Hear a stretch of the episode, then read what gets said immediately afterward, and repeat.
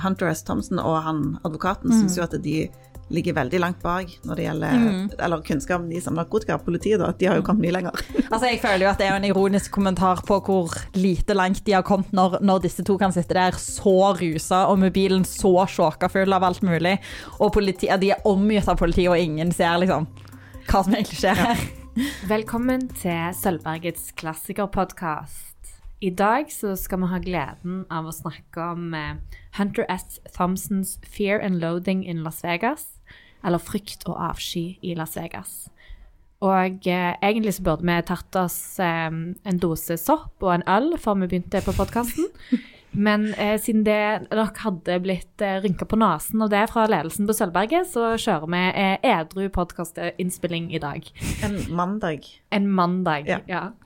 Og så må det jo sies, eh, Tale, at når du, når du starter med å si at du føler deg litt sånn som dette i dag, så er det egentlig helt rett. fordi at det, den neste generasjonen etter, etter disse journalisten, eller denne journalisten og advokaten, de tar jo bare downers. Så det, det er rett stemning for samtida, tydeligvis. Jeg ble litt sliten av å lese den boka òg, så det Ja. er sånn, ja. Ja, men nå må jeg jo si hvem som er med meg i studio i dag. Det er da Sofie Birgitte Andersen og Lotte Hovda. Hei. Eh, dere har altså lest dette eh, mesterverket av en bok. Fortell meg, hva handler Fear and Loading in Las Vegas om? ja. Nei, det skulle jeg likt å vite. Nei, eh, den offisielle eh, eh, vil jeg nesten si, er vel en journalist og hans advokat reiser gjennom USA på jakt etter den amerikanske drømmen. Men egentlig en journalist og eh, hans advokat som tar forskjellige oppdrag i ulike deler av USA, aldri gjennomfører oppdragene sine og holder turen gående med enorme mengder rusmidler. Og så skal de jo De har jo en jobb, de skal jo dokumentere. Han er jo journalist. Raoul eh, Duke, eller Hunter S. Thompson, alias. Ja. Han er jo journalist, så han, har, han skal jo på et jobboppdrag og dokumentere motorsykkelløpet Mint 2000 i Las Vegas i ørkenen. Det virker ikke helt som han jobber så veldig mye, eh, egentlig. Nei, men det var kanskje litt sånn for journalister i gamle dager. De fikk liksom betalt mengder av eh, bestikkelser for å komme og dekke eh, ting. Jeg kjenner liksom folk som har vært journalister. Det var liksom gulldager. De fikk hotellrom, og de fikk gratis fly, og de fikk liksom Ja, så det var kanskje Det å få en journalist til å dekke en event, det, Ja. det kunne de betale godt for. Så du tenker at eh, dette her er en helt sånn realistisk beskrivelse av det å være journalist i Stavanger Aftenblad på 70-tallet? Ja, ikke langt unna, vil jeg si. Ja, for dette her er jo eh, årets, eh, eller eh, dette halvåret sin, sin sesong av eh, Klassikerpodkasten er jo sakprosa-tema. Så vi sitter her med en sakprosabok. Og jeg tror Hvis du hadde fått en blindtest på denne boka, så vet jeg ikke om du hadde diagnostisert den på den måten. Eh, Det er jo eh, Det føles jo ikke veldig saklig. og, eh, og Hunter S. Thompson bruker jo til og med et alias for seg selv, og har også funnet ut at denne advokaten som han har med seg, han som blir portrettert som en samoan, altså Ja. samoan på engelsk, jeg vet ikke helt hva det heter på norsk. Eh, ja, det står vel det i oversettelsen òg. Ja. Mm. som er er overvektig og sånn, og advokaten hadde visst ikke likt dette i etterkant, for han, han, det var visst ikke egentlig en beskrivelse av han som han hadde med, virker det som. eh, Så det er jo Man har jo tatt seg kunstnerisk friheten med sann, friheter med sannheten her, da. Det kan man vel si. Um, Ja, Ja. men og dette, dette er jo Nå er du jo inne på noe av det som kanskje er liksom hva skal man si, arven til Hunter S. Thompson. Og, og det um, er vel Altså dette som ble kalt for gonzo-journalistikk. Mm. ja. Det, det er jo litt sånn som uh, eh, Sophie Elise driver med i dag, kanskje. Samme ja, Det er spennende. Ja, Please, Ja, please utdyp. utdyp, ja. ja, men det er liksom eh, veldig sånn subjektive Ja. framstillinger av eh, Eller sine egne opplevelser av ting, da. Og dele uten å observere så mye fra ut... Altså, ja, du deler dine egne opplevelser. Men tror du da at eh, Hunter S. Thompson at han var liksom støtta av rusmiddelindustrien? De- Influenserne har jo alltid Nei. noen de Det, det, og sånn. det var jo litt annerledes. Han hadde jo en redaktør, kanskje. Ja. og- Ja. det var vel en, mye av det han skrev òg som ikke ble publisert, eller ja. Ja. Kanskje det var det de hadde hatt godt av, disse influenserne, å ha et lite sånn filter. Det er jo, eh, som jeg var inne på, da, at det er liksom en blanding av at det, det er sakprosa, men det er mye løgn. Det er jo et eh, sitat ifra oh, Nå klarer jeg ikke å finne ut hvem det var som sa det. men at Gonzo then was about getting at the truth even if it meant technically lying. Det jeg lest ifra min utgave av Fear and Loathing, da. Um, en ting er teknisk sett å lyge, men her er det jo òg eh, ganske mye fantasi. Det er ikke bare, bare, ikke bare løgn, men det er liksom illusjon, eller hallusinasjoner og, og, ting Du vet sjelden hva som er sannhet, og hva som ikke er det. Um, Gonzo-journalistikk er jo sånn som, som, Lotte er inne på her, at det er veldig subjektivt. Så det, og så handler det Altså, det er vel sannhet i en mer eh, sånn altomfattende og eh, filosofisk forstand enn hva vi vanligvis tenker på som sannhet i journalistikk i dag. Liksom. Det er ikke snakk om fakta, det er snakk om sannheten med store S. da. Og hva er sannheten i denne historien? Hva handler det egentlig om? Altså, De er på en reise, det er veldig mye narkotika involvert, men, men hva er liksom eh, Thomsen sitt prosjekt i denne boken? Ja. jeg syns det er vanskelig. Har du peiling? Ja. Ja. Jeg syns det er veldig vanskelig å svare på. Jeg tenker det er vel kanskje en Om det er en kommentar på det amerikanske samfunnet med overforbruk i alle mm. måter. Overforbruk av eh, narkotika, overforbruk av penger. De er i Las Vegas. Eh, det er ikke mye tanke på bærekraft, det er store biler, det er liksom Og òg denne her Det er jo en sånn eh, Etter han har liksom dekka denne her eh, Mint 2000 motorsykkelløpet, mm. så skal han jo dekke en sånn eh, eh, politiets eh, samling, eller etterforskersamling, som jobber mm. med å bekjempe narkotikakriminalitet. Og, og, det er liksom Ja, det er veldig mye sånn symbolpolitikk. Det ja. gjør egentlig ingenting. Mm. Ja, så det er jo kanskje en kommentar på det amerikanske samfunnet. Ja, jeg tror ja. at stikkordet symbolpolitikk er liksom bra, fordi at her har vi jo altså denne store rus... Eh, altså, hva skal jeg si, Trenden begynte jo på mange måter med 68-erne, som var idealistiske og eh, ville på en måte endre samfunnet og trodde at verden kunne bli et fantastisk sted. Eh, trodde på utopiene, på en måte. Og så har realismen kommet nå. Man har slutta å bruke Eh, altså Man har slutta å bruke disse rusmidlene som gjør, man, gjør, gjør det gira og liksom at du hallusinerer og sånn. Disse to gjør jo det, men, men Thompson sier jo at eh, nå bruker de Altså de unge nå bruker bare downers, og downers er jo da jeg måtte google hva, hva er egentlig det og det er jo noe som gjør deg rolig. Noe som på en måte eh, gjør at du ikke blir gira, men heller liksom gjør deg eh, Comfortably numb. Ja, ja. veldig, veldig ja. god eh, referanse. Liksom bare være litt bedøva. Generelt ja. bedøva. Ja. Og, og, det er jo nettopp det som, som, idealistene må nå, da. Fordi at det er jo ingenting av dette de har drømt om som har skjedd, på tross av alle protestene, på tross av The Summer of Love og alt de trodde de skulle få til. Så nå er det liksom Nå er det bare mm, bare den bedøvelsen som står igjen, eventuelt eh, den absolutte galskapen og energiet som eh, disse to eh, tar del i, på en måte. Og jeg syns jo òg i forhold til denne politikonferansen eller samlingen om, om narkotika, så føler jeg at det er at det speiler på en måte opplevelsen til disse idealistene. For politifolket de har jo trodd at de skal få en stopper på narkotikabevegelsen, eh, holdt jeg på å si, men i stedet for så har det bare blitt verre. Og folk som ruser seg, har begynt å Vi hører en helt vanvittig historie som jo bare er løgn, fra denne advokaten om hvordan de som ruser seg nå, hopper inn i vinduene til folk og dreper. Det er altså helt ekstremt. Men, og vi ser at på denne konferansen, som sikkert helst skal være liksom det nyeste av det nye, så lærer de om, en, om, et rusmiddel som egentlig ikke er i bruk lenger. Og det er liksom det store problemet. Eh, så det er jo tydelig at, at på idealismen på begge sider har dødd. Eller det, det, det, er liksom ikke noe vits å Ja. Hunter S. Thompson og han advokaten mm. syns jo at de ligger veldig langt bak når det gjelder mm. eller kunnskap de som narkotika. Politiet da, de har jo kommet mye lenger. altså Jeg føler jo at det er en ironisk kommentar på hvor lite langt de har kommet når, når disse to kan sitte der så rusa og mobilen så sjåka full av alt mulig, og politi, de er omgitt av politi, og ingen ser liksom hva som egentlig skjer her. Ja. Men de er kanskje mer opptatt av å være i Las Vegas med konene sine og kose seg. Det kan jo virke sånn. Det er vel kanskje deres form for downer, da. Eller å være comfortably numb og bare ha det behagelig og fint, liksom. Mm. Og så er det jo dette her med Vietnamkrigen òg. Ja. Uh, at det er vel kanskje en grunn til å være litt bedøva. Mm. At uh, landet ditt er i en veldig sånn uforståelig og blodig krig. Mm. Mange som, som, dør. Ja. Mm. Og krig er jo en sånn ting som som amerikanerne bruker mot alt. Da. Så de hadde jo War on Drugs òg, så det Mm. Ja. Mm.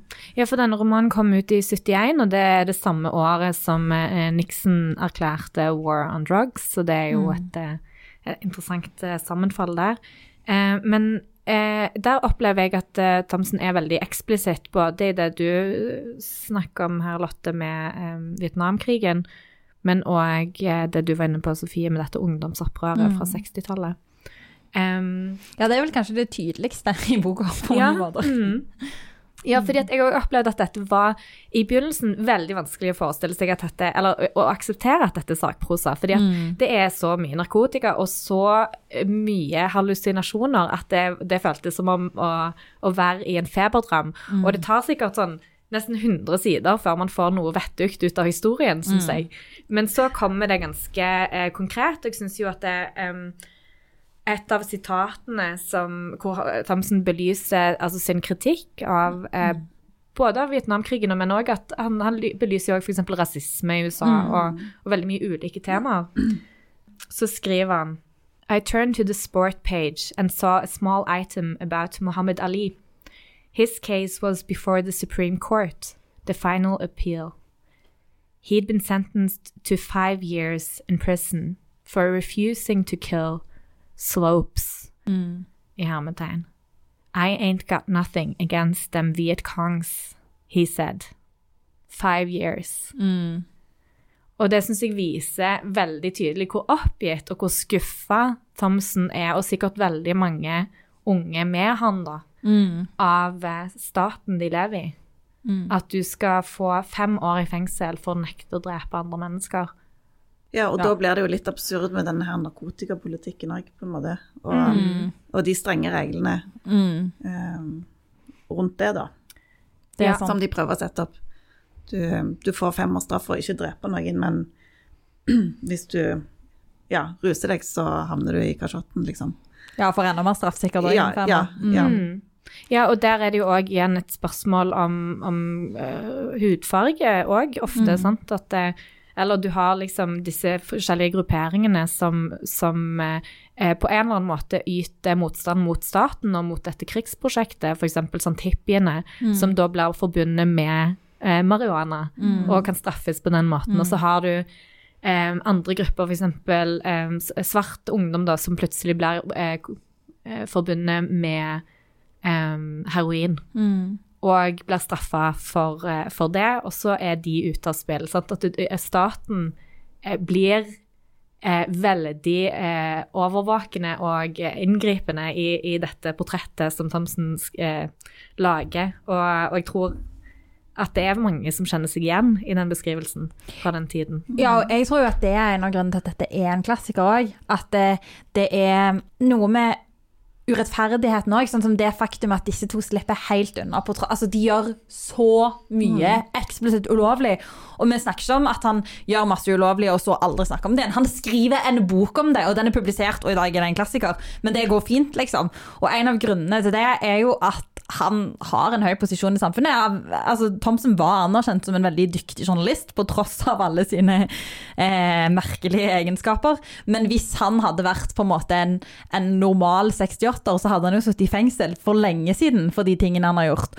Og det er jo òg en ting som fortsatt er veldig relevant i USA i dag, og i andre deler av verden, at, at i narkotikapolitikken og hvem som blir straffa for det, så er det en klasse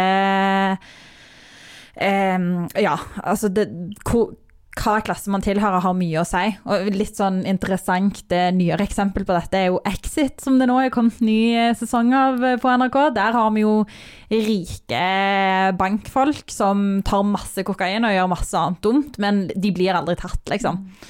Det er Ja. Hvor du kommer fra har mye å si for hvilken straff du får òg. Så er det jo, Du nevner jo at det er vanskelig å avgjøre om det er fiksjon eller ikke. Og det er jo òg en del av gonzo-journalistikken som var inne på at det er en mellomting mellom fiksjon og sakprosa, på en måte. Um, Du får jo veldig sånn brukerinnblikk, da. ja, Så sånn sett så er det jo en sakprosa. det er sant. Ja. Du får vite hvordan det er å være rusa på mange forskjellige typer rusmidler, og hvordan de fungerer. Ja. Ja. Og jeg tror jo det er en ganske viktig appell med denne boka, at den er liksom litt ulovlig, på en måte. Altså det er litt sånn Ja. Altså Ja. Det, jeg tenker når, når jeg har jobb med dette fordypningsprosjektet, eh, eller fordypningsoppgaveprosjektet for videregående elever, der vi har lagt filmer og artikler og sånn om å skrive fordypningsoppgave, så er det jo en egen kategori som heter forbudte bøker. Og jeg tror jo det er en grunn til at, at ungdom trekkes mot den, at det er alltid interessant med det som på et eller annet tidspunkt ikke har vært lov, eller har vært forbundet med noe som, som er liksom litt utenfor det aksepterte normen, da. Det tror jeg er en viktig appell. Men mm. det er jo litt eh, interessant, fordi at det er jo, har jo vært brukt veldig mye skremselspropaganda mot uh, ulike narkotiske midler eh, fra de amerikanske myndighetene sin side. Hvordan syns dere at uh, Thomsen sin, sin propaganda fungerer? Har dere lyst til å dra ut og, og prøve? eh, Jeg blir bare stressa. Jeg, jeg, får, jeg får jo vondt i hodet liksom, av tre glass rødvin. Så altså, jeg liker godt å ta meg et glass vin, men det der Nei, det frister meg ikke. Det jeg, jeg, jeg hater jo å miste kontrollen. Jeg kunne Ja. aldri Ja. Jeg kunne ikke vært med i den bilen, eller jeg kunne ikke vært med på den reisen. Nei, det er jeg med to. Altså, jeg er ganske glad i å ha kontroll, og jeg kjenner at jeg blir ganske altså Bare å lese denne boka gjør at liksom, hårene står nesten opp på armene, og du, hjertet pumper i full gass fordi at du Ja. er så redd for, for hva er det som kan skje nå. Ja, men hvorfor roter du Åh, sånn, Det er så ekkelt, det er så mye rot, og det er ikke kontroll på noen ting. og- Nei, Ja. nei, nei Og er jeg kjent er nok ikke en sånn paranoide og paranoiaen. Altså, det er jo en av de mest gjennomgående temaene her, er jo den der paranoiaen, og den er jo riktignok litt Alle hadde vel vært paranoide i den situasjonen de er i, men den ble jo ikke akkurat forminska av all rusmisbruket. Så Nei. ja. Jeg tror at det, det er ingen fare hvis man gir denne til ungdom. Den, eh, den vil nok ikke oppfordre de til å ta mye narkotika, så dette, det virker veldig uattraktivt å holde Ja. på sånn som de gjør. Ja, jeg tror det skal være en ganske spesiell type for å bli trukket mot akkurat det scenarioet her. Ja. Absolutt. Men eh, hva tenker dere om relevansen? da? Vi har jo snakket litt om det allerede. Men, men dette, eh, opplever dere at det er en bok som har holdt seg? Eh, jeg fikk På pulten min når jeg kom på jobb i dag, så lå det en tjukk bunke av utskrifter med forskjellige overskrifter fra eh, ulike norske medier, hvor eh, fellesnevneren er at eh, det står frykt og avsky i alle overskriftene. Så eh, Åsmund, eh, eh, dette er Åsmund sin, eh, sitt bevis på at eh, frykt og avsky i Las Vegas er en klassiker. Når, eh, sitat, late, late desker bruker det som eh, en, sånn, en sånn kjapp vei til en god overskrift. Nei, det er vel en klassiker. Eh, men det er vel kanskje mer formen som gjør det til en klassiker, enn selve historien, kanskje. Mm. Jeg vet ikke. Måten det er skrevet på. Mm. Ja, det var hva- banebrytende, liksom. Ja. Ja, men hva tenker dere da om For jeg, jeg tenker jo også at innholdet er faktisk Bak all rusen, så er innholdet òg noe som har holdt seg. Det er mye, for meg er det mye her det går an eh, Mye kritikk mot eh, myndigheter som det går an å, å fremme fremdeles i dag. Jo, absolutt. Ja. Det er jo det. Og Eh, det var jo jeg jo litt inne på med dette med klasseforskjell, altså hvordan man blir behandla for å ha tatt rusmidler Ja. i forhold til hvilken klasse man tilhører. og jeg syns det er interessant med Thomsen sin liksom, samfunnskritiske analyse av hvilke rusmiddel som tilhører hvilken politisk epoke og hvilken president i USA. Rusproblematikken har jo ikke gått noen vei. Nå, nå er det jo en, eller har vært ganske lenge, en opioidepidemi i USA, liksom. Så det, det, er jo, det er jo et aktuelt tema. Mm. Og det som jeg sa med at man blir trukket mot det fordi at det er så banebrytende. Det, det, er så, det er så utrolig ikke korrekt, liksom. Og befriende på et vis. Det òg gjør at det er en klassiker. Ja, og det vil si at du koste deg med den boken? Ja, det gjorde jeg. Altså, jeg var konstant stressa og svimmel, men jeg koste meg. Ja, Eh, jeg koste meg òg. bortsett fra at den boka var, som jeg lånte på biblioteket her på Sølvberget, var en veldig gammel utgave, og det så ut som noen hadde vært på den samme reisen når de har lest den boka. For den er full av rulletobakk og skit og glassmerker Sånn, eh, ja, merker etter noe som er sølt. Og, så det var litt sånn ekkelt å ta den med i senga. Ja, Ja, det var, det var litt som å ta Men- med seg det hotellrommet. ja det var det. Ja. det, var det. Ja. Mm. Eh, Jeg kjøpte jo faktisk boka, eh, for Tale hadde lånt den engelske som jeg hadde lyst til å lese. Og så fant jeg ut at det, det, er, jo en klassiker. Det er gøy å ha Jeg på kunne godt tenkt meg å lese den på engelsk, for jeg Ja. har lest den på norsk. Og jeg syns det var litt sånn Døden på Oslo S eh, fikk litt sånn Ja. vibber når det er oversatt mye sånn banning og Ja, du får litt sånn Pelle Proffen eh, vibes. Ja. Og jeg er, veldig, jeg er veldig nysgjerrig på å lese liksom, utdrag på norsk, bare for, fordi at det er jo en del banneord som brukes veldig mye, eh, og som der ikke finnes en direkte oversettelse av til norsk. da. Ja. Så jeg er nysgjerrig på hva de har gått for. Jeg følte det var kanskje det som var litt problemet Ja. den, at det er veldig direkte oversatt. Så når det, han snakker om vibes, så er det vibber og Ja, det blir Ah, ja. sånn Ja. Eller nei, vibrasjoner. Ja. Oi! ja. Så det er litt sånn Ja. Ok, men så freidig språk er noe av appellen med denne boken. Har dere noen read-alikes som dere tenker? Hva, hva minner eh, Fear and Loading in Las Vegas om? Altså, jeg tenkte først på trainspotting, fordi at det er bare dette her eh, kaoset og konstante eh, rusen, men òg en sånn Men så tenker jeg òg at det er en litt annen klasse. Der er det mer sånn underklassen, og liksom det er unge punkere som eh, ruser seg, og liksom De står fast i en eller annen sånn eh, ja, på nederste, nederst på rangstigen i samfunnet, mens disse her er jo på en måte, det en advokat og en anerkjent journalist, de velger det på en annen måte, dette her eh, rus... Eh, helvete, da, som de er i. Men, eh, men det minner meg litt allikevel. Eller det har Jeg føler du kan liksom ha trainspitting som en read like. Mm. Um, også Fight Club. Ja. Ja, tenkte jeg òg på. Mm. Og fordi at det er sånn underverden. Og Og noe veldig selvdestruktivt Ja. i hele ja. opplegget. Mm. Mm. Interessant. Jeg har um, gått mest mot amerikanske klassikere, egentlig. Jeg har jo studert amerikansk eh, litteratur, så da uh, var det kanskje litt naturlig. Uh, en av de er jo On the Road. Den er jo det er jo veldig tydelig read like. Det sier jo egentlig mm. Thomson sjøl òg, at han ble inspirert av den. Det er jo I likhet med dette så er det en roadtrip, og i likhet med dette så er det masse rusmidler involvert. Og, og to, for det meste to personer som snakker om alt mulig rart. Em, men òg Faktisk eh, så, så tenkte jeg at han passte At road trip passer pga. dette med vennskapet. Og det er jo Altså, det er mer vennskap i roadtrip, men det er jo liksom en, et slags vennskap mellom disse to uh, karakterene som, som er uh, Ja. Mye mindre vennskapelig, på en måte, men, men allikevel er den karakterdynamikken er liksom veldig viktig da, for, for boka.